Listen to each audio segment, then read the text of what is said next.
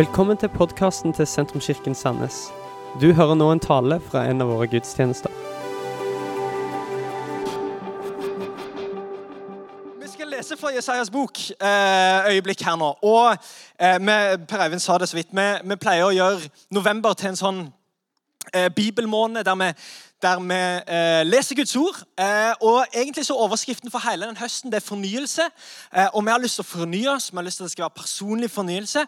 Eh, og vi ber om personlig fornyelse. Og når vi snakker om fornyelse, så er det ikke, så er ikke sånn ja, alle andre burde eh, liksom skjerpe seg.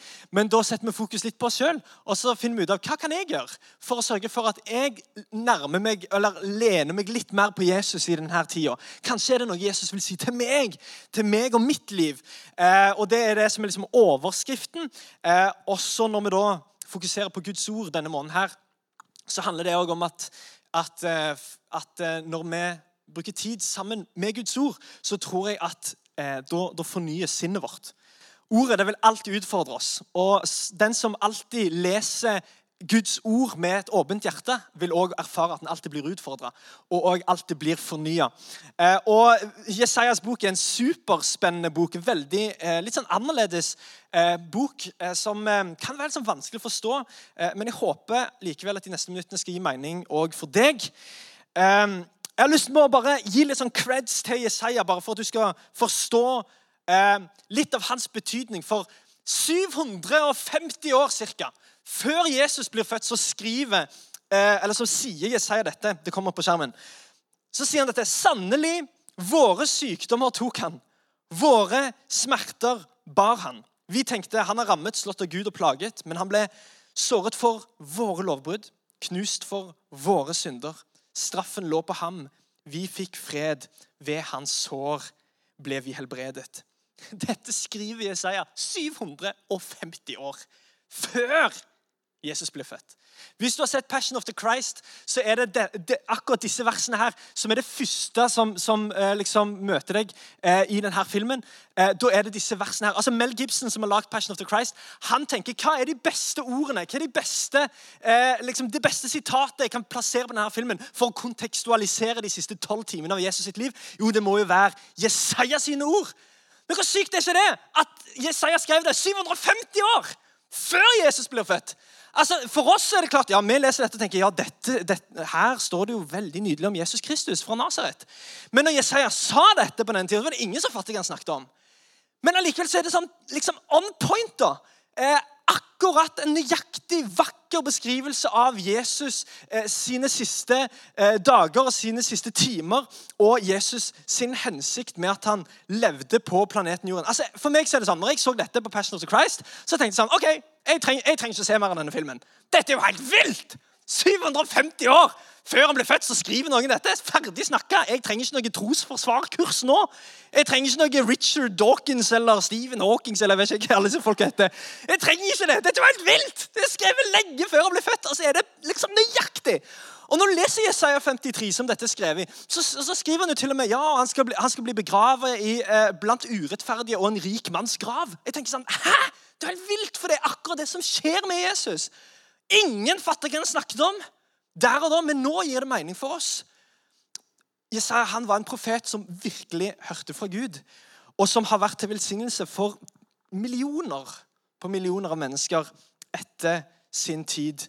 Men jeg har lyst til å lese fra Jesaja 6 denne søndagen. og Vi skal lese eh, et syn som Jesaja hadde, der han møter Gud. Hør på dette fra eh, vers 1. Vi skal lese 13 vers her, så det er bare til å henge på. Der står det at i det året da kong Ussia døde, så jeg Herren sitte på en høy og opphøyd trone, og kanten på kappen hans fulgte tempelet. Serafer sto overfor ham. Hver av dem hadde seks vinger, med to dekket i ansiktet, med to dekket i føttene, og med to fløy de. De ropte til hverandre, Hellig, hellig, hellig er Herren Sebot. Hele jorden er full av hans herlighet. Røsten som ropte, fikk boltene i dørtersklene til å riste, og huset ble fullt av røyk. Da sa jeg, ved meg! Det er ute med meg, for jeg er en mann med urene lepper, og jeg bor i et folk med urene lepper. Og mine øyne har sett kongen, Herren over herskarene. Da fløy en av serafene bort til meg. I hånden hadde han en glo som han hadde tatt med en eh, tang fra alteret. Med den rørte han ved munnen min og sa, Se, denne har rørt ved leppene dine. Din skyld er tatt bort, og din synd er sonet. Da hørte jeg Herrens røst. Han sa, Hvem skal jeg sende, og hvem vil gå for oss? Jeg sa, Jeg, send meg. Han sa, Gå og si til dette folket, dere skal høre og høre, men ikke forstå. Se og se, men ikke skjønne. Gjør dette folkets hjerte fett. Gjør ørene tunge og kleb øynene igjen, så de ikke kan se med øynene, ikke høre med ørene, ikke forstå med hjertet og ikke vende om å bli helbredet. Da sa jeg, 'Hvor lenge, Herre?' Han sa, 'Til byene ligger øde og folketomme, og det ikke er mennesker i husene, og landet ligger som en ødemark.' Og Herren skal sende menneskene langt bort. Øde og forlatt skal landet bli. Er enda en tiendedel tilbake, skal også den brennes opp som når en eik eller trebinte blir felt og bare en stubbe står igjen. Den stubben er en hellig ett. Ok, Her er det mye greier. Og det, jeg skjønner veldig mye jeg ikke skjønner. Men vi skal hoppe inn i, i, i, essensen her. For det som skjer, er at Jesaja, som er en profet som hører Guds stemme, og som lever på en måte eh, for folket for å gi Eh, ordet videre, eller for å gi himmelske budskap videre. Han får et møte med sin Gud. Eh, og I Johannes' evangelium så står det faktisk eh, at eh, når Johannes siterer noe fra Jesaja, så, så, så skriver han òg ja, for, for Jesaja så jo Jesus. Derfor sa han. Jesaja så Jesus, eller møtte Jesus. Derfor sa han. Så det er faktisk også bibelbelegg for å tro og tenke og mene at dette synet her var ikke bare en eller annen engel eller et eller annet guddommelig, men det var kanskje Jesus han så. Det var et møte med Jesus som, som forandrer han, og som forandrer alt med Jesaja. Det som jeg må forstå her, et lite sekund, det er det at eh, Jesaja, han, de første fem kapitlene da har han sånne vedrop, eller sånn klagerop eller sørgerop over Guds folk. Han klager over liksom, det brutale moralske forfallet som, som, disse folkene her lever i. De, eh, de, eh, de drev på med avgudsdyrkelse, de undertrykte fattige, de undertrykte de svakeste. Eh, de som var prester og profeter, de drakk seg fulle og ville bare imponere mennesker. Så var, Dette var en tid der kanskje var Jesaja en av de eneste rettferdige. En av de veldig få som faktisk deres private og offentlige liv hang sammen. Han var den han sa han var. Han var hele ved, som vi sier. Han det var en god mann. Dette her. Han var en av de få. Så han hadde jo på en måte rett til å si eh, dere er på ville veier og liksom disse klageropene og vedropene over, eh, over folket.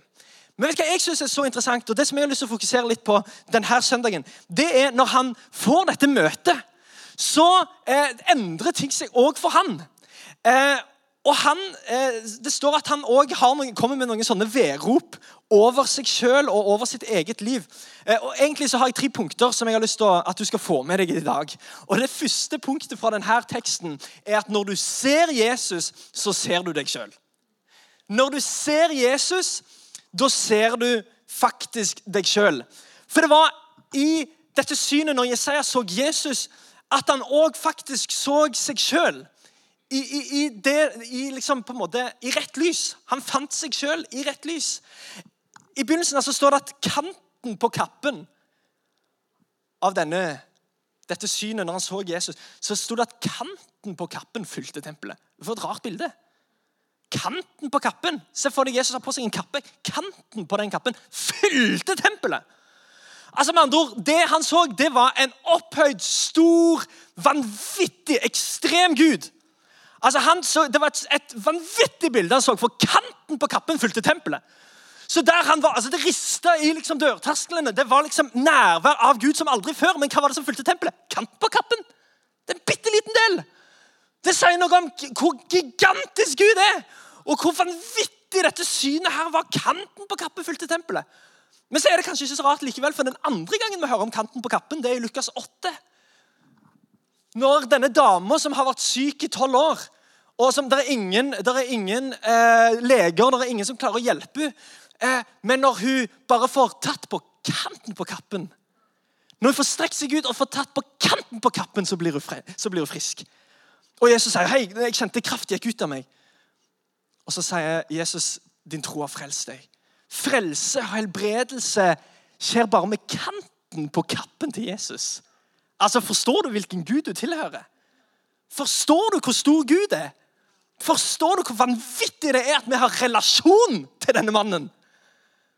Som kanten på kappen hans er mer enn nok til å frelse og helbrede hver eneste her inne. Kanten på kappen fylte tempelet. Han så dette vanvittige synet av denne vanvittige guden. Og Han ser Guds storhet, og ikke bare ser han Gud, men han ser seg sjøl. Og han innser at 'jeg er jo like ille som alle andre i dette landet'. Og han sier 'ved meg, det er ute med meg'. I dette liksom, synet av Jesus så får han òg et helt nytt syn på seg sjøl. Og han ser, det er jo ikke noe forskjell på meg og de. Det er ikke sånn at Verden er delt opp i her er jeg som er så fantastisk og rettferdig, og her er alle de andre. Nei, nei, Vi er alle i samme båt! Sammenligna med den guden som vi prøver nå, og som vi prøver å tilhøre. Vi er alle sammen i samme båt. Fram til da så hadde Jesaja fordømt verden, men innser at han sjøl var en del av problemet. Det er litt som når eh, det blir vår, eh, og du tenker sånn hjemme hos deg sjøl at eh, det er sykt ryddig og fint og rent hjemme hos oss, men så kommer vårsolen inn vinduet, sant? og så lyser det liksom sånn skarpt lys fra liksom sidelinjen og bare avslører alt støvet på, i hele huset. og Egentlig så er det kjempestøvete, og du tenker hva i alle dager? Her har vi ikke vaska på et halvt år! Eh, men Du trodde egentlig at det var veldig rent, men det var ikke før du så lyset at du så at her er det jo veldig skittent. Sånn er det ikke hos oss, da, forresten. Altså, men sånn hos andre folk, har jeg hørt. Men, men, men okay, hvis, du, hvis, du, er med meg på dette bildet, så er det litt det som skjer med Jesaja her. Han, han, tenker om seg selv at ja, men jeg er en rettferdig fyr, og det er mitt oppdrag å få alle på rett kjøl. Men i lyset av Jesus Kristus, når lyset kom fra sidelinjen, når han fikk se dette sterke lyset, så så han seg sjøl og alt støvet han hadde på seg, og tenkte med seg sjøl det er jo jeg som trenger frelse. Det er jo jeg som er en del av problemet. Altså, Åndelig intelligens er ikke at du gjenkjenner at andre har et problem. Du er, ikke, du, er ikke, du er ikke, åndelig liksom, eh, fantastisk av den grunn. Eller liksom, hvor fantastisk jeg som klarer å liksom, gjenkjenne alle andre sin synd. Altså, hvem som helst kan det. Men åndelig sunnhet er når du klarer å gjenkjenne din egen synd. Det er åndelig sunnhet. det. Altså, da, når, når, du begynner å se at det er jo jeg som er en del av problemet. Det er jo ikke bare alle andre, men jeg er jo en del av problemet. Jeg trenger frelse. Jeg trenger et møte med Gud. Vet du hva? Vi trenger jo ikke å være religiøs for å forstå dette bildet å forstå hele denne tanken om ærefrykt. For vi har alle sammen opplevelser eller oppdagelser der vi har trodd at vi var gode i noe helt til vi møtte noen som var enda bedre. Så jeg, tror, altså jeg er bare god på gitar helt til Kjartan Bjørnsen kommer inn her. Altså Da er jeg helt elendig på gitar. Skjønner du hva Jeg mener? Eller liksom, jeg tror at jeg er flink til å tale helt til liksom Egil Svartdal har mikrofonen. Altså Da kan jeg bare gå hjem. Så liksom, Vi har alle oppdagelser eller opplevelser av å på en måte stå i nærheten til noen andre som er litt større, litt bedre, litt flinkere. Og så blir vi litt sånn OK, det er faktisk jeg som trenger å jobbe med meg sjøl. Eller iallfall det, det, det er jeg som trenger å bli bedre. Men vi kjenner igjen denne, denne følelsen. Og når du ser Jesus, så innser du at det står kanskje verre til enn du hadde frykta. Men samtidig så innser du at du er mer elska enn du hadde drømt om. Ja, det er dette som er så fantastisk med å møte Gud. Ja, du, du, ok, du oppdager kanskje oi, det er verre enn jeg hadde frykta. Jeg, kan ikke imponere Gud. Jeg kan ikke komme med liksom, liksom, mine handlinger og gjerninger og liksom prøve å overbevise han om at jeg er en fantastisk person. Nei, det, det står kanskje verre til enn jeg hadde frykta. Men wow! Du vil aldri ha et møte med Jesus og gå derifra og tenke at eh, det er ute med meg. Du vil alltid gå derifra og tenke 'Send meg'. Velg meg, send meg. Jeg vil ha relasjon til deg. Og Det leder meg til punkt nummer to. det er at Anger setter deg fri. Nummer én er at når du ser Jesus, så ser du deg sjøl. Men nummer to, og dette er så kraftfullt, det er at anger setter deg fri. Og vet du hva, Jeg syns det, det, er det verste. Jeg synes, kanskje det er det, det absolutt vanskeligste med å leve i vår kultur. Og det er at vi skal være så sinnssykt fornøyd med alt vi gjør hele tiden. Og Vi skal være så veldig stolte over alt vi har gjort, alt vi har fått til. Og til og med våre, liksom, de, de verste sidene av av oss sjøl skal vi bære fram med stolthet. Og så er en helt forferdelig person, men jeg er meg sjøl. Så er sånn, hæ? Jeg orker ikke det der greiene der. Og liksom, Vi skal liksom aldri angre på noen ting. og liksom, ja, men Jeg er kjempesolgt over alle feiltagelsene jeg har gjort. og liksom alle problemene som jeg har. Nei, vet du hva? Det er så kraftfullt å si vet du hva, jeg angrer på noen ting i livet mitt. Det er noen ting som jeg ikke liksom, jeg er ikke fornøyd eller jeg, jeg er ikke glad for at jeg gjorde det eller sa det. Og så kan jeg faktisk angre på det og finne nytt liv og tilgivelse og nåde. Det er fantastisk. Men det er ikke før vi bekjenner, det er ikke før vi på en måte si, eh, liksom våger å sette ord på det, at vi faktisk blir satt fri. Å angre på ting det er en fantastisk ting. Det er jo bare mennesker som gjør det. Det er ingen dyr som angrer på noen ting. Men vi mennesker vi har den muligheten til å angre på ting som vi gjør, og det vil sette oss fri. Jesaja han bekjenner sin synd i møte med Jesus. Han sier, 'Vet du hva? Jeg har ureine lepper.' Og jeg bor i et folk, og jeg bor sammen med et folk som òg har ureine lepper. Og hvis du er profet og ikke har leppene i orden, altså da har du ingenting. Det er jo som en kirurg som ikke har fingre. Sant? Det er eh, Det er et veldig sterkt bilde, merker jeg. Eh, det er som en fotballspiller uten føtter. Skjønner du hva jeg mener? Altså, det går jo ikke. Og denne profeten Jesaja, når han innser at jeg har problemer med leppene mine, altså da kan han bare legge seg. Da er det ikke noe mer for han å gjøre. Og Han, han bekjenner denne synden for Jesus og sier jeg er urein, mine lepper er ureine. Jeg trenger òg helbredelse. Jeg trenger òg frelse. Og I motsetning til en dommer, når du står for en dommer og bekjenner og innrømmer, ja, da får du straff og pine. Men når du står for en Jesus og bekjenner og innrømmer, ja, da får du nåde og nytt liv. Da får du nåde og du får nytt liv. Konsekvensen hør, konsekvensen av å bekjenne din synd for en Jesus, det er at du får nåde og nytt liv. Det er ikke sånn 'Å ja, ja vel, ja. Nei, men da, da her er straffen. Nå trekker jeg fra litt fra livet ditt.' Nei, nei. Han sier, 'Takk for at du kom med din synd.' Bekjente ditt, ditt problem. Kom med din stolthet. Jeg kan ta det. Det er ikke noe problem. Gud kan ikke gjøre en dritt med din prestasjon. Gud, altså, hva skal han med det? Gud kan ikke gjøre noen ting med når vi kommer framfor han og liksom se her, hvor flink jeg har vært. Altså, hva skal han med det? Den eneste gaven Gud vil akseptere fra deg, det er din svakhet. Det er den eneste gaven Gud sier det kan jeg ta imot. Alt det andre her, det er ikke en dritt å si. Det hjelper ingen. Men din svakhet, det kan jeg ta. Og så kan jeg gjøre deg sterk gjennom din svakhet. Din stolthet, det kan jeg ta. Så kan jeg gjøre deg ydmyk gjennom det som du har opplevd. Det er når vi møter Jesus og innser at det står kanskje verre til enn vi hadde trodd, og tør å bekjenne det og tør å innrømme det, at vi får laste ned alt det som himmelen har for oss. Nytt liv, nåde, kjærlighet.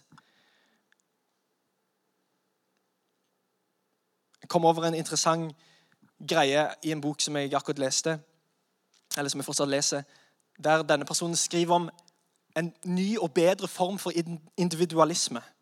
For vi tenker, I vår tid så er vi veldig sånn individualistiske. Det betyr at det er meg og mitt og mine. Og eh, jeg bare fokuserer på det som jeg vil, og det som er viktig for meg, og det som er sant for meg.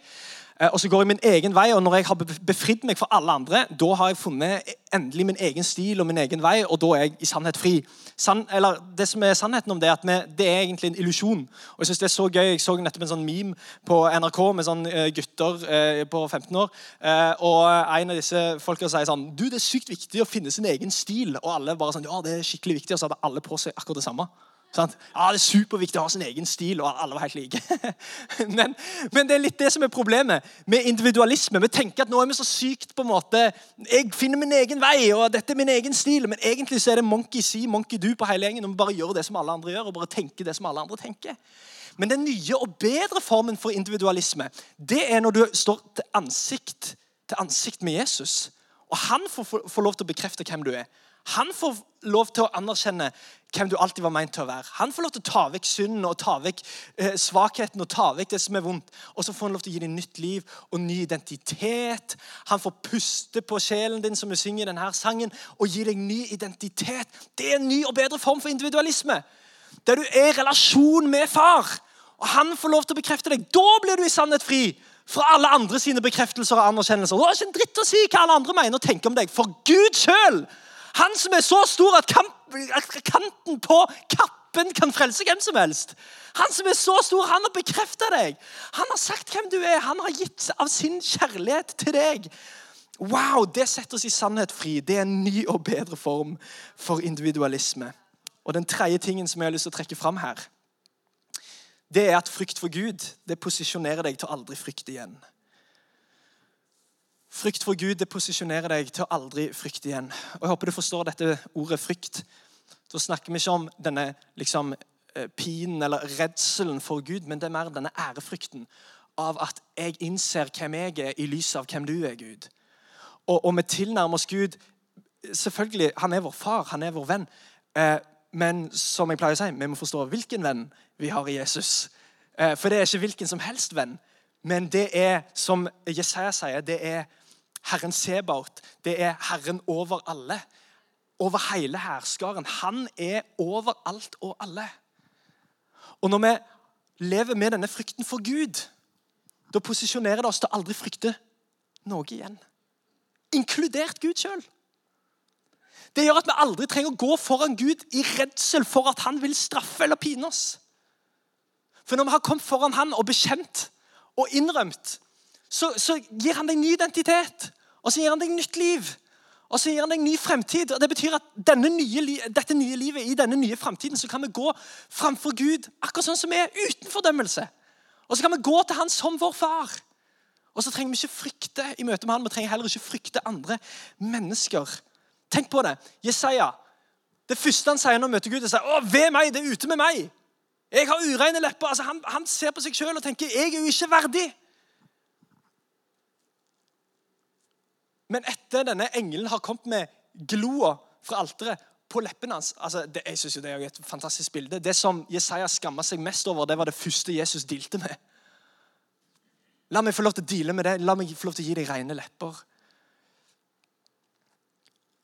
Og han oppdagte det som er i sannheten nådens kraft. Og det er at I det ene øyeblikket så ser du på deg sjøl og tenker jeg er ikke verdig, jeg er ingenting, jeg er ikke verdt noe. Men etter du har fått et møte med Jesus, så går du ut på andre sida og sier 'Velg meg, send meg'.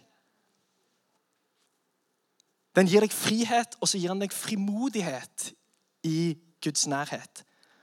Og så stimulerer det oss til å følge Gud på en sånn lystbetont måte. Det er ikke sånn straff. ja, 'Nå er jeg vel kristen, så jeg får vel være med på team.' det, altså, det, er ikke, det, er, det er et privilegium å tjene Jesus. Og hvis du har fått lov til å møte Jesus, så er det ingenting du heller vil enn å være i tjeneste for. Og leve sammen med ham.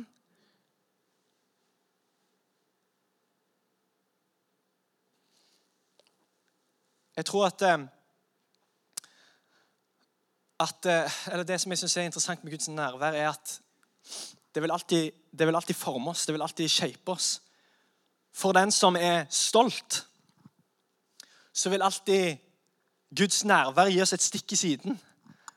For den som tror han kan alt, eller har alt, eller forstår alt, så vil alltid det å være i Guds nærvær det vil kanskje være en ubehagelig opplevelse, for det vil alltid stikke deg litt. Og minne deg om hvem du tilhører, hvem du tror på, hvem som er konge. Men for den som lever i selvforakt eller hat på seg sjøl, så vil òg Guds nærvær være litt sånn ubehagelig, for det vil alltid liksom løfte deg opp og alltid vise deg et bedre bilde av hvem du kan være. Og Den hellige ånd vil alltid peke på hvem du kan bli i Jesus. Ikke hvor du har vært, eller hva som er historien din. Jeg tror at Gud han, han, han misliker like mye stolthet som selvhat. Jeg tror det er like ille å elske sin flinkhet som å hate sin svakhet. Og jeg tror at Et møte med Jesus det vil både knuse stoltheten vår, men det vil også løfte oss fra skammen. Jesus sier til, til Jesaja her Hvem vil gå? Hvem er det som vil gå? Hvem kan jeg sende? Hvem er det som vil gå? Jesaja sier, det er meg. Send meg. Send meg. Lenge før han har fått stillingsbeskrivelsen. Svaret er ja. Hva er spørsmålet nå igjen? Jeg er med. Og så kommer jo stillingsbeskrivelsen, og den er jo veldig lite hyggelig. For der er det, altså det, det, er jo basically sånn Ja, du skal, ta, du skal bruke resten av livet ditt til å tale til folk som ikke har lyst til å høre på. Og De kommer ikke til å bry seg om det du sier, og du kommer til å miste alle vennene dine. Uh, og ingen kommer til å invitere deg på middag uh, igjen. Uh, og det kommer til å bli egentlig helt grusomt. Men kjør på! Og Han har jo nettopp sagt ja, men så er det akkurat som at det er på en måte en sånn Hvem bryr seg lenger? Fordi at nå, det, nå handler det om at jeg får gjøre dette i relasjon med deg, Jesus. I relasjon med kongen. Jeg bryr meg ikke hva som er utfallet. Og vet du hva Det som er sykt når, når en leser Jesaja, det er, at, det er at det er nesten ingen som hører på han. Og det er veldig, veldig, veldig veldig sjeldent at de rådene som han gir, faktisk blir hørt på. Det er noen få ganger der det redder en umiddelbar situasjon. Men nesten alle ordene som kommer fra Jesaja sin munn, det er bare, det er bare dette mellom fingrene på det folket som hører på. Men han skriver det ned. Og her sitter vi. Og alt det som Jesaja sa altså, vi, vi har det svart på hvitt, og det har gitt inspirasjon, og det har gitt nytt liv. Og det har gitt så mye i så mange tusen år etterpå. Jesaja han ga sitt liv for Gud og begynte å leve i tjeneste for den hensikten som han, som han ga han. Bandet kan komme opp.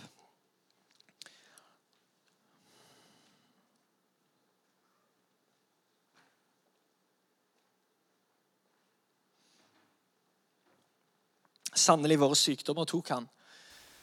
Våre smerter bar han. Vi tenkte han har rammet, slått av Gud og plaget, men han ble såret for våre lovbrudd, knust for våre synder. Straffen lå på ham, vi fikk fred. Ved hans sår ble vi helbredet.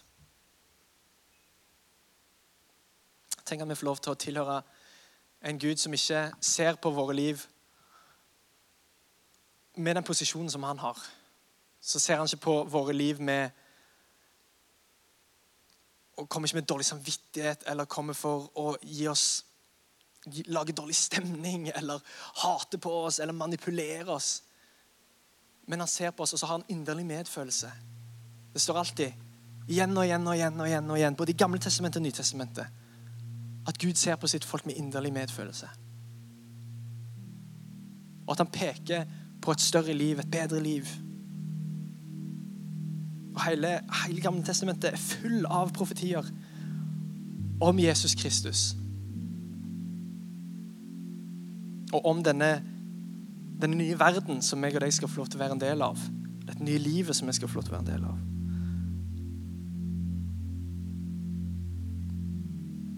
Og Jesus, han kommer på jorda fullt ut Gud, men òg fullt ut menneske. Han lever det livet som ingen av oss klarte å leve. Han døde den døden som ingen av oss hadde klart å dø.